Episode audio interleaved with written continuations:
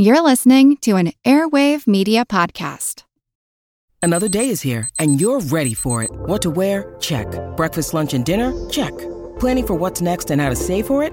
That's where Bank of America can help. For your financial to dos, Bank of America has experts ready to help get you closer to your goals. Get started at one of our local financial centers or 24-7 in our mobile banking app. Find a location near you at bankofamerica.com slash talk to us. What would you like the power to do? Mobile banking requires downloading the app and is only available for select devices. Message and data rates may apply. Bank of America and a member FDIC. Hear that? Believe it or not, summer is just around the corner. Luckily, Armor All, America's most trusted auto appearance brand, has what your car needs to get that perfect summer shine. Plus, now through May 31st, we'll give you $5 for every 20 you spend on Armor All products. That means car wash pods, protectant, tire shine, you name it. Find out how to get your $5 rebate at armorall.com. Armor All, less work, more clean. Terms apply. This is Kick Ass Politics. I'm Ben Mathis. Hey, folks, we're doing a new crowdfunding campaign at patreon.com backslash kickasspolitics. That's Patreon spelled P A T R E O N. With Patreon, you can pledge a certain amount each month, and in return for helping to sustain the show, you're going to get some great new benefits like back episodes, exclusive content, show merchandise, shout outs on the podcast, video hangouts, invitations to live events, and more. Again, go to patreon.com backslash kickasspolitics. Thanks for your support, and thanks for continuing to listen. And now, enjoy the podcast. Hi, I'm Ben Mathis, and welcome to Kick Ass Politics. Folks, I'm no psychic here, but I'm guessing there's a pretty good chance that you're listening to this podcast while you're stuck in freeway traffic driving either to or from work. At least that's what our listener survey tells me. So ponder this the average American, that's you, spends about 18 hours a week behind the wheel of a car. More time than we spend on any activity other than working or sleeping. 4.3 years of your life that you're sitting in traffic, probably tired, stressed, and pissed off. Well, what if you could get all those hours back? What if you could spend that time working, reading, taking an online class, watching a movie, playing video games, taking a nap, or texting, which you're really not supposed to be doing while you're driving anyway? What if all that time was yours to use however you want? Well, get ready because the dawn of the driverless car is coming, and it may be coming a lot sooner than you think. Just ask my guests today who are at the forefront of the autonomous vehicle revolution. First, I'll talk about the technical aspects of autonomous cars with Dr. Raj Rajkumar. He's the George Westinghouse Professor of Electrical and Computer Engineering at Carnegie Mellon University. Rajkumar is also a member of the Intelligent Transportation Systems Program Advisory Committee at the U.S. Department of Transportation, and he's co director of the General Motors Carnegie Mellon Autonomous Driving Collaborative Research Lab, which is leading the way in the development and testing of self driving cars. He'll talk about some of the technical hurdles they're grappling with, including weather conditions and interacting with those pesky human drivers.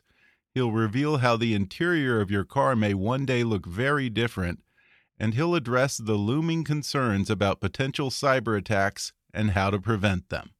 Then I'll talk with Doug Newcomb, a journalist who's covered car technology for nearly three decades as senior technology editor at Edmunds.com and as a contributor to Wired Magazine, Forbes, PCMagazine.com, MSN Autos, and Automotive IT News on various subjects of automotive technology. He's the founder and president of the C3 Group and the Connected Car Council, which are driving the conversation, no pun intended, in the burgeoning industry of autonomous vehicles. He'll talk about the potential for self driving cars to save millions of lives, reduce traffic, and help us better use our time. He'll talk about the Hearts and Minds campaign to convince car loving Americans to let go of their steering wheel and embrace autonomous vehicles, and the amazing ways in which the driverless revolution is going to change not just how we get around, but our whole economy and our culture. He'll discuss what kind of federal regulation may be involved and how Google is leading the way to cut government red tape and open the roads to autonomous cars. Plus, we'll talk about the very real possibility that one day soon it may be against the law for you to drive your own car, and why that's maybe not such a bad thing. Coming up in just a moment.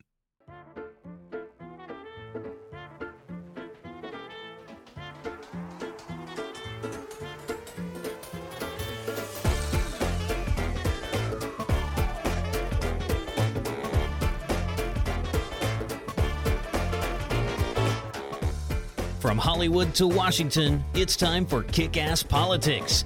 And now here's your host, Ben Mathis. Today I'm joined by Raj Rajkumar, who is the George Westinghouse Professor in the Electrical and Computer Engineering Department at Carnegie Mellon University and co director of the GM Carnegie Mellon Autonomous Driving Collaborative Research Lab.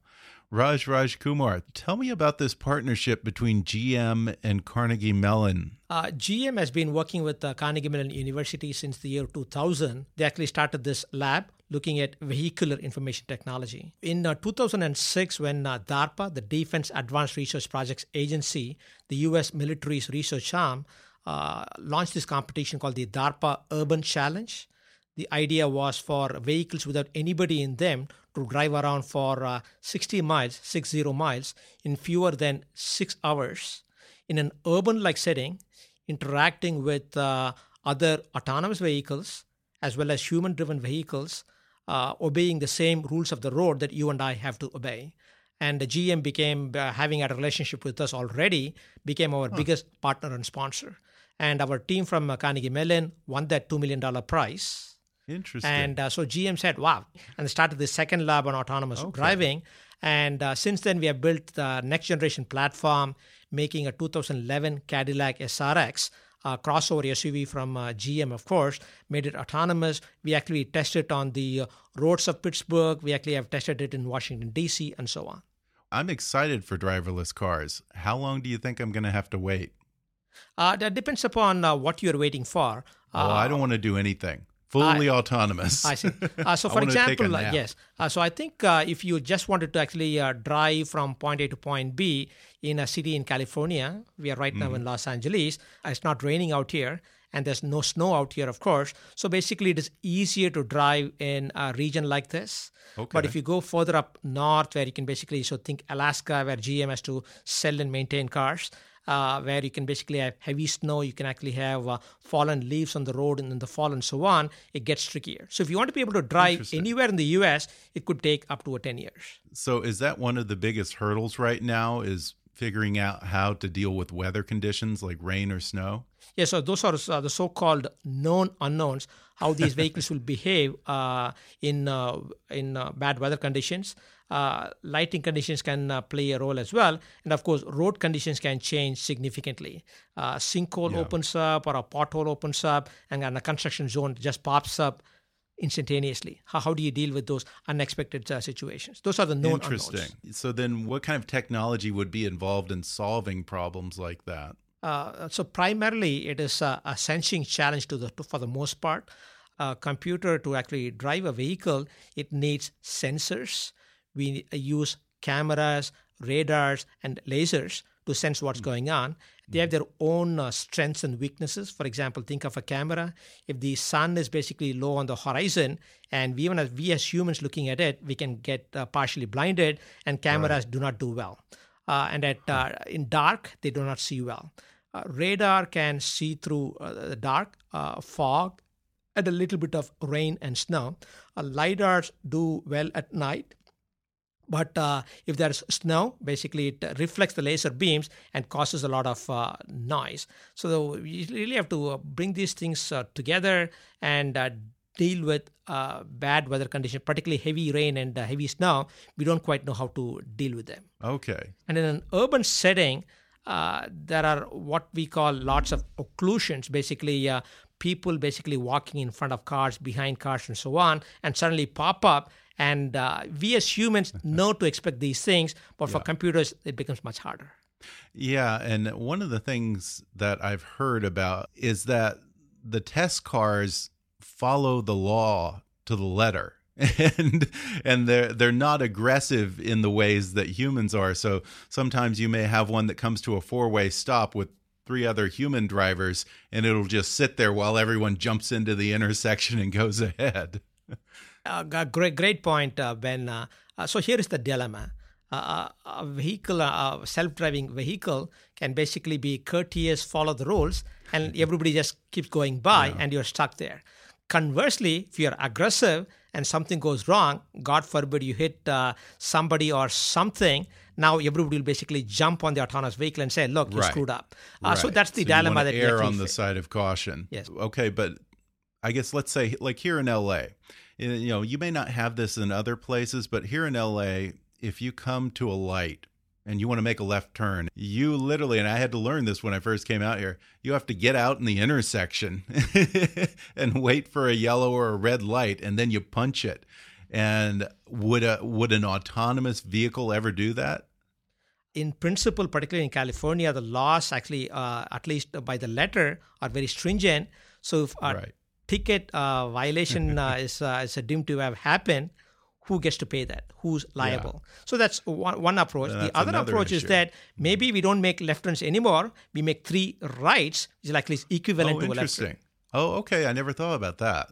Do you think that that might be a possibility? Yeah, it turns out that uh, UPS it definitely simplifies the problem. Yes. So uh, it turns out that UPS trucks and uh, FedEx trucks they actually use this uh, algorithm, if you will, to basically minimize the delays waiting for making a left turn. And huh. at those points is when accidents tend to happen. Yeah. So they basically minimize both their uh, latencies, their delays, as well as liability issues when uh, trying to make a left by making instead three right right turns. One other thing that's come up, you know, we have this thing in our brain where we get uneasy, like physically queasy when we see ourselves moving, but we're not physically in control of that movement. And I've heard some stories of people getting a little car sick with driverless cars. Has that problem been solved yet, or is that just something that people will gradually adjust to? Yeah, that's an interesting question. Nobody has asked me that question uh, before. My wife basically is very similar. When uh, she's sitting in the front passenger seat and I drive like a maniac, she basically gets upset. So I do slow down when my wife is in the, in the front passenger seat. Uh, so I uh, so I guess just to me, the two things uh, will happen. One is that uh, there will be an interface in the in the car that's driving itself, where the vehicle actually will communicate to the user to the to the people in the car what it is trying to do so the human is comfortable about what the vehicle is up to. Okay. And me. And in the first generation, for people's comfort level, will there be some kind of an override or the option for them to drive? Is that something that's come up as something that, you know, at least emotionally people want to have that option? They're afraid to hand over complete control immediately. Yes. So, in the near term, until uh, this technology has been uh, proven to be ultra reliable, on the roads, a human licensed human driver would be expected to be in the driver's seat, even if the vehicle is driving itself. And then as the technology, and then at that point in time, if the vehicle is doing something uh, uh, not quite common that uh, makes the human uncomfortable, they would have the uh, option of overriding the car. And as this basically these disengagements, as we call them, become uh, fewer and fewer over time, approach zero, that's when the human can be taken out of the equation in the long term, what will these cars look like? Interior, will we have a steering wheel? Will we have brakes? Or I've heard people say that they'll be basically like uh, mobile living rooms. Uh, a few decades from now, when this technology is pretty much is the uh, way to actually uh, transport people from one point to another, uh, a few things can happen. So, like you said, the uh, car could actually could be a living room uh, could be a playroom, uh, could even be a bedroom, if you will, for people to basically uh, extend their uh, sleep during commute. That sounds like trouble. so those are, and then turns out that if uh, accidents uh, are so few in number or kind of get eliminated in certain parts, you don't no longer need a steel cage around you. So maybe you could just replace that with a light aluminum cage of some kind. So this could bring oh, about revolutions in many different ways. You know what the big concern that a lot of people have is cyber hacking of someone hacking a car and doing God knows what with it. What kind of technology are you working on to prevent that? Uh, this is a major and legitimate concern. Uh, particularly these uh, autonomous self-driving vehicles will be connected they can actually talk to the cloud and actually they can talk to other vehicles on the road they can actually talk to the uh, traffic signals and so on basically means that they also become uh, pathways for attacks from the outside mm-hmm. Uh, so uh, both car makers and technology developers like uh, myself, we are actually losing a lot of sleep over, uh, hey, how can we prevent uh, these attacks from the outside? We do not have the silver bullet yet, but we are very cognizant, conscious of these problems. And when these, if and when these technologies are developed, deployed out there, we need to make sure that these attacks do not harm people and property. Um, do you think that it'll come down to just somehow hardening that technology so that they can't hack it? Or will it come down to having some kind of an override, either within the individual car or within the whole system, that can somehow shut down these vehicles safely before accidents can happen if someone was hacked? Yeah, so most of that uh, defensive technology, if you will, uh, has to be inside the car. If you mm. basically had a centralized platform somewhere like a city command center which can control our cars, that becomes a much bigger target for cyber attacks as well. Right. So you really want uh, that uh, local uh, intelligence for local decision making. And the fact that we are operating in a physical world, we can basically say, look, I see uh, things around me and I'm being told to drive fast. This doesn't make sense. And the system would shut down locally in theory, autonomous vehicles would not have road rage. We don't have to worry about some kind of HAL like AI computer getting ticked off and ramming so, yes. someone on the freeway. Uh, so, so, humans, I guess, we have uh, these two sides. On one side, we actually are very rational beings. On the other side, we can be very emotional beings. So, what, what this quote unquote uh, AI brings to the table is that it tries to be rational at all times and does not have any emotions. Yeah. So we can cover up for the shortcomings of humans but I talked to at least one human who's not looking forward to the age of self driving cars. Hi, my name's Jay. I am an Uber driver. I am a stand up comedian in Los Angeles, California. I consider this the job that supports my career. Okay. I live in Los Angeles, you don't get paid to do comedy out here. So this is the the job that covers the bills. Uh, I 2015 was a really bad year for drivers. We got we took a massive pay cut with no benefits uh, whatsoever, like no plus side to it. What if I told you that Uber has been cutting your rates and the rates of all the Uber drivers because within the next 10 years they're going to make a huge capital outlay on driverless vehicles. Oh, for sure. Once automated vehicles become a thing, why would Uber ever want to? Why would they ever even be interested in, in employing, you know, someone like me or something that needs that? And then I'm going to be 100% honest. I am not even remotely comfortable with the automated car concept, anyways. You know, they're essentially working drivers to the bone uh, in order to never have to need them again. Is there something that you, a human driver, offer customers that they might not get from a self-driving Uber? I guess to the I mean, I'm a big I'm a big dude. I could always uh, provide protection and walk someone to their door, which I have done multiple, multiple times. Uh, if somebody's getting dropped off in a not so great neighborhood or it's dark out, um, you know, I'm a good conversationalist. I meet a lot of people, um, and sometimes people, you know, want to have somebody to talk to. Maybe somebody needs to be calmed down. You have no idea how many times I've had conversations in the background of people on their phone having an emotional breakdown and they hang up the phone and you just be there and let them talk it out. And it's going to be hard to do that when it's a camera and some circuits. And while that's certainly cheaper than hiring a therapist, Raj Rajkumar says my Uber driver Jay might be overestimating his value as a good listener when compared to the billions that driverless vehicles could save both Uber and their customers. If you're an Uber driver, should you not be counting on that for a lifetime job security? Uh, I guess uh, the CEO of Uber, uh, Travis Kalanick, he has said that one of their motivations to invest in this technology to develop uh, their own intellectual property portfolio is to basically have the human be replaced by by computers that makes a huge difference to both their uh, top line, that is their rev- incoming revenue, and their bottom line, their profits. Uh, so I guess uh, when these technologies take Probably hold, not the job of the future. uh, it would Uber disrupt driver. not just the taxi drivers, if you will, or Yeah. Uber drivers, but also the trucking industry, bus drivers, and so on. Yeah. uh, Well, I'm curious if you anticipate a lot of pushback from unions then. Uh, so I guess uh, these changes will happen, but it's not going to happen overnight, and this will actually happen gradually. Uh, for example, even when vehicles are allowed to drive themselves, at least for a couple of years, if not longer, the human would still be required to be in the driver's seat, ready to take over just in case. Okay. And so, so there'll be uh, lots of time for both uh, the labor force and the economy to adjust and find new jobs, trying to uh, troubleshoot, diagnose, fix these high tech gadgets in the car. Do you like to drive? Or I no? love to drive. What What do you say to the people who would say, "I love to just hit the open road on the weekend and go on a drive up the coast, or just clear my mind on a drive"?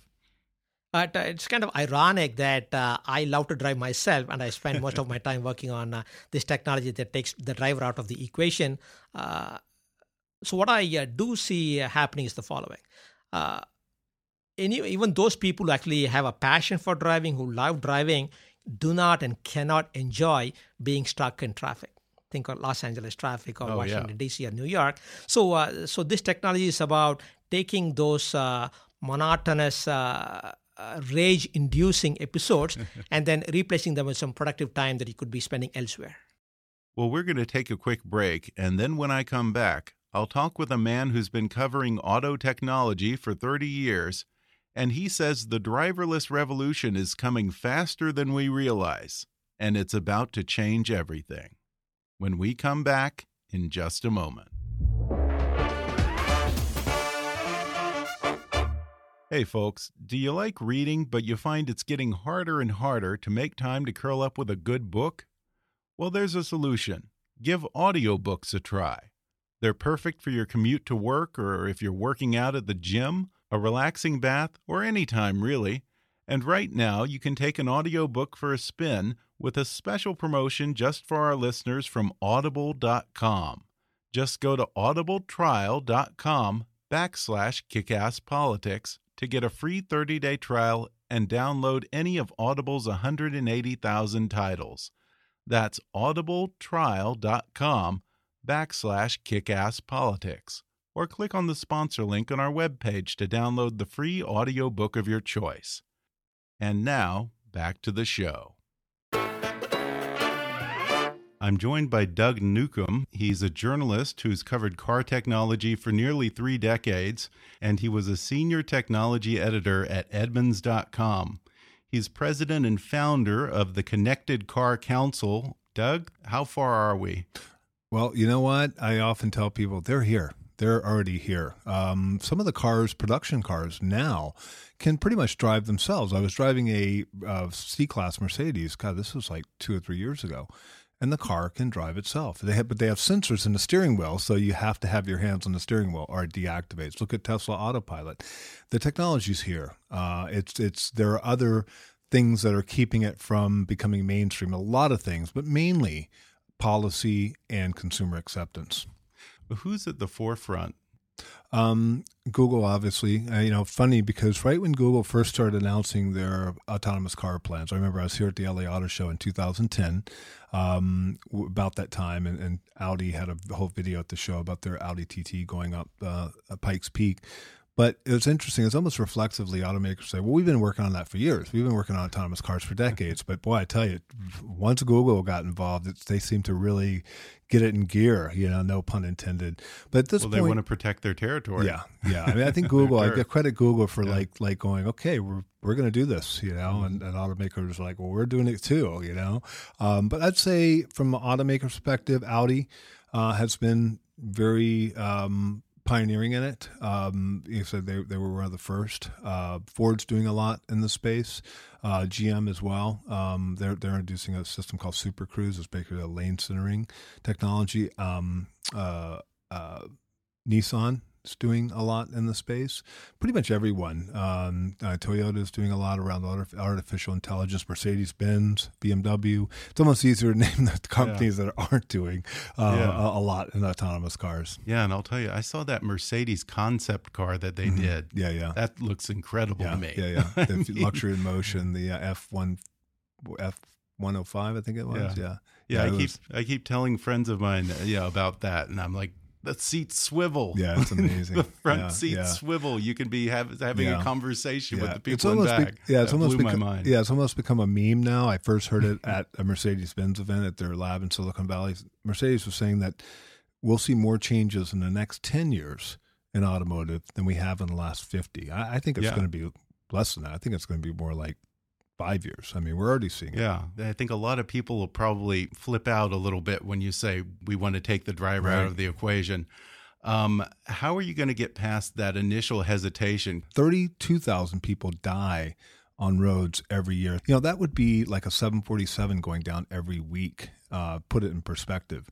There was an interesting article in Time Magazine recently. I've been hearing more about this, saying that when we get to the point where we're saving so many lives by cars driving themselves, will there, we reach a point where it says no you can't people can't drive anymore it's illegal how dare you like you know like Right. think about how dare you smoke you know where you know 20 years ago whatever we didn't think you know really anything i remember being clubs here in la where people were Yeah. smoking it was part of it but now it's like wait that's the point that we could get to Um, this idea that people-driven cars, regular Right. cars as we know them, would be outlawed. Is that something that we seriously would be looking at, say, ten years down the road? I mean, you know, I think it's further down the road. I mean, it could happen. I mean, you know, people are speculating that now just for the reasons I just mentioned. No one really knows. But, you know, some people have made the analogy that that driving a car will be like riding a horse um, in the future. You know, you want to Yeah. drive your car, go out to a track or go out to some place that, you know, there's not people around or what have you.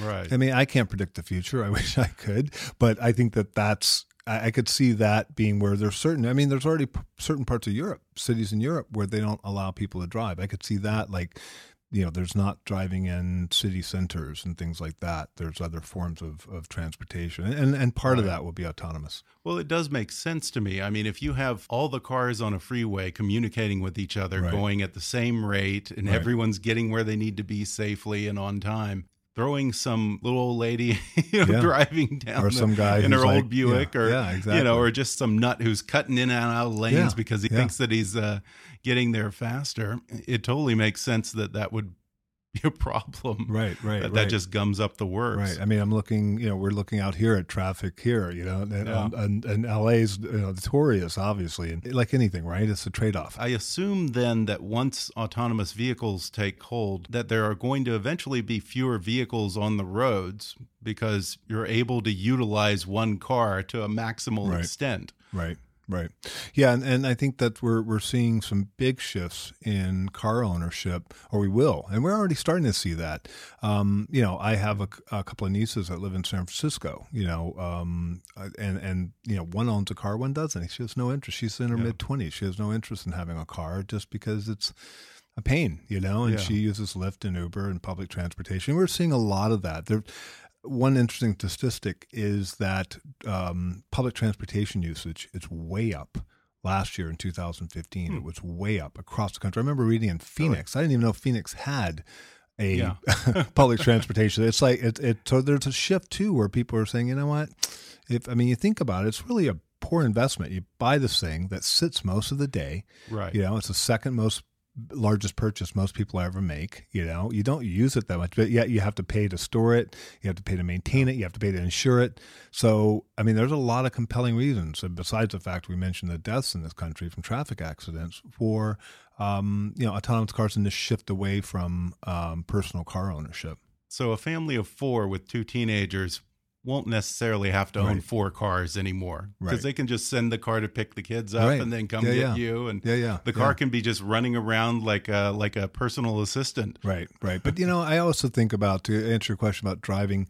You know, now I live in a, a pretty good rural area. I live up in Oregon, um, about an hour outside of Portland, and there's a lot of farms and orchards. You know, I mean, there's still going to be a lot of need for trucks. You know, I mean, you know, the best-selling pickup for the last best-selling vehicle for the last 30 years has been the Ford F-150 pickup. You know, I mean, you know, they'll probably have self-driving pickups, but you know, I think about that. America's a big country. U.S. is a big country. Which states are the hotbeds of activity for driverless cars right now? Um, well, California, I think, is is one in of terms them. of testing? I mean, Yeah, and uh, California definitely because Google has done most of their testing here. Um, but you know, the other state that's really um, not surprisingly, uh, maybe it's surprising to people, is, is Michigan. Um, it's really making a big push because of the auto industry. University of Michigan uh, has a um, uh, facility there called Mcity um, that's used for autonomous testing. Uh, Nevada, because they've been very, um, uh, very uh, proactive, and they were the first to issue autonomous uh, license. Um, so I would say those those uh, pretty much. And have most of the local and state governments been fairly helpful and open to driverless cars? Yeah, you know what we're seeing that's very interesting. In fact, I, I write for Forbes. I did two blog posts last week. One was on very interesting and talking to some of people in D.C. You could tell it was a pretty big deal. Um, last week, uh, Ford, Volvo, Google, Uber, and Lyft formed a coalition to uh, basically the, the idea is to push the federal government to adopt uh, at a federal level uh, autonomous vehicle regulation because what they're seeing, seeing, and Google has talked about this and others. There's this patchwork of regulation by state, and you know, so California has one regulation, Nevada has another, on and on and on. Mm-hmm. Uh, so they want to have the federal government set policy uh, so that there's a blanket, um, uh, you know, policy and, and regulation. Well, that would make sense because I mean, you know, it's like the national highway system. You know, Right. you don't want to get an au- autonomous vehicle and only be able to drive it in California. Right, exactly. And, and I think Yeah. like any any industry, you know, they, they want to have some uniformity. Um, it's interesting. Google's been very, very. I've done a couple of blog posts. In fact, I don't know if you're aware.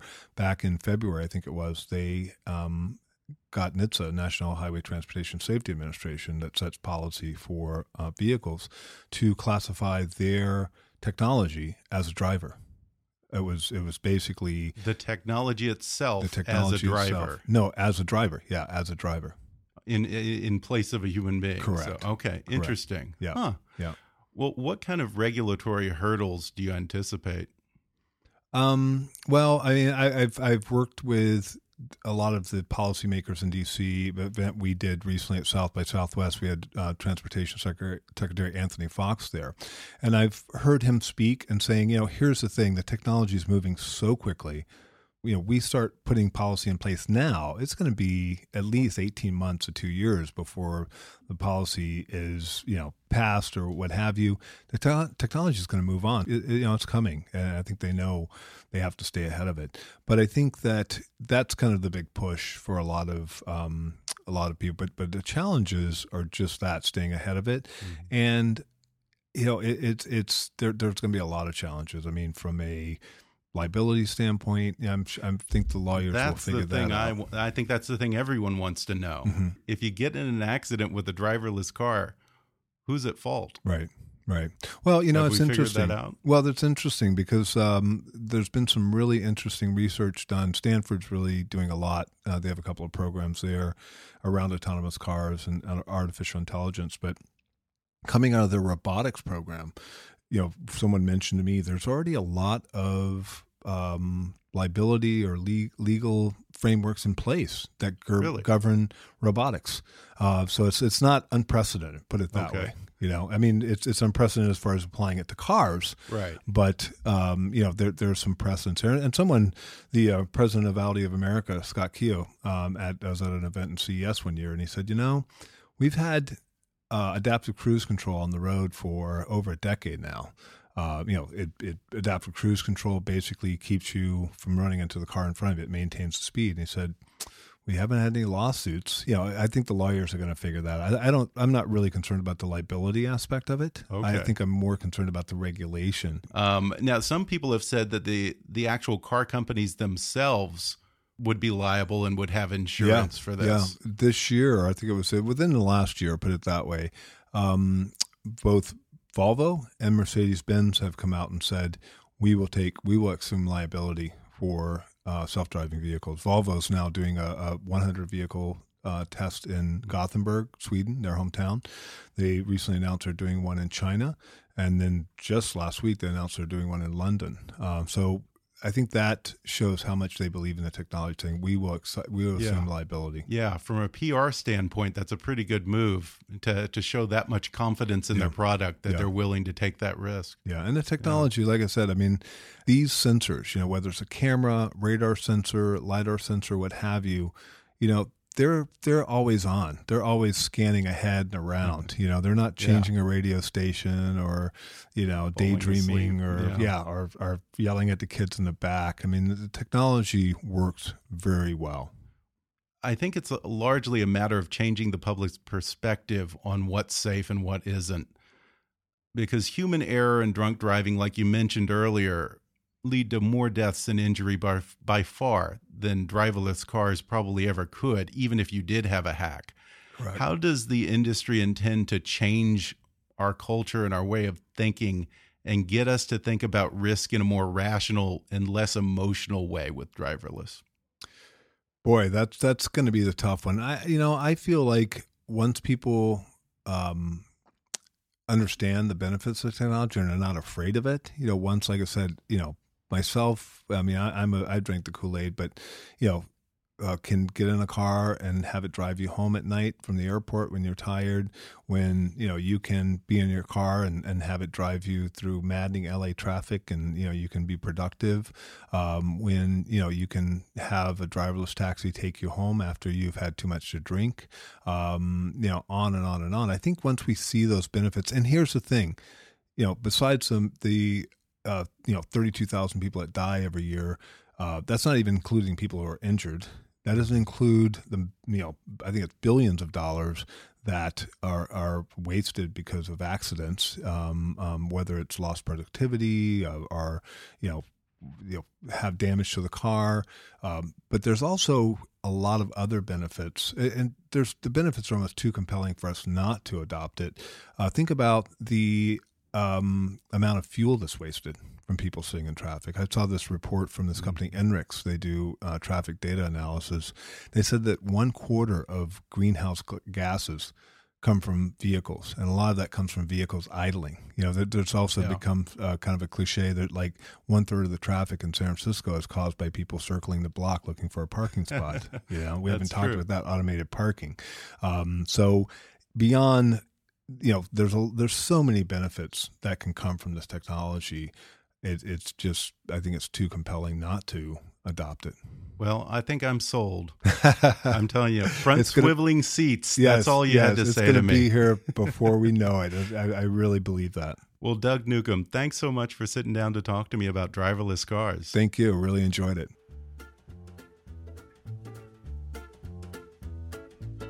Folks, I don't know about you, but I'm ready. I'm ready right now. Freaking swiveling front seats, people. Come on. Thanks to Raj Rajkumar, Doug Newcomb, and Jay the Uber driver for coming on the podcast. You can follow Doug Newcomb on Twitter at, at Doug Newcomb. There's no E on the end there. Or at DougNewcomb.com. And find out more about the Connected Car Council at c3report.com. You have to spell that out. It's C as in Charlie, the word three, then report. My other guest, Raj Rajkumar, is not on Twitter, but he gave a fascinating TED talk about driverless cars, and it's definitely worth checking out. So go to TED.com and just search his name. And if you want to learn more about the GM Carnegie Mellon Autonomous Driving Collaborative Research Lab, visit gm.web.cmu.edu. Please subscribe to Kickass Politics on iTunes and leave us a review while you're there.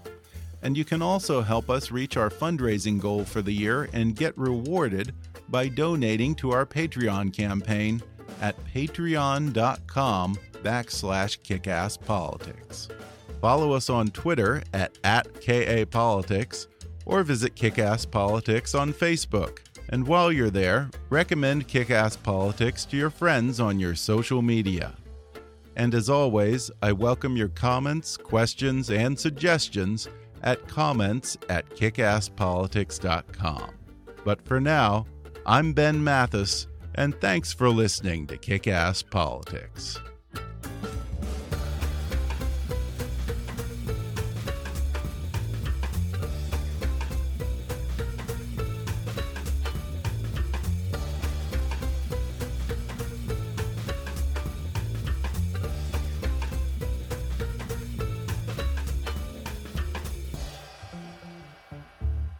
Kick Ass Politics is a trademark of Mathis Entertainment, Inc.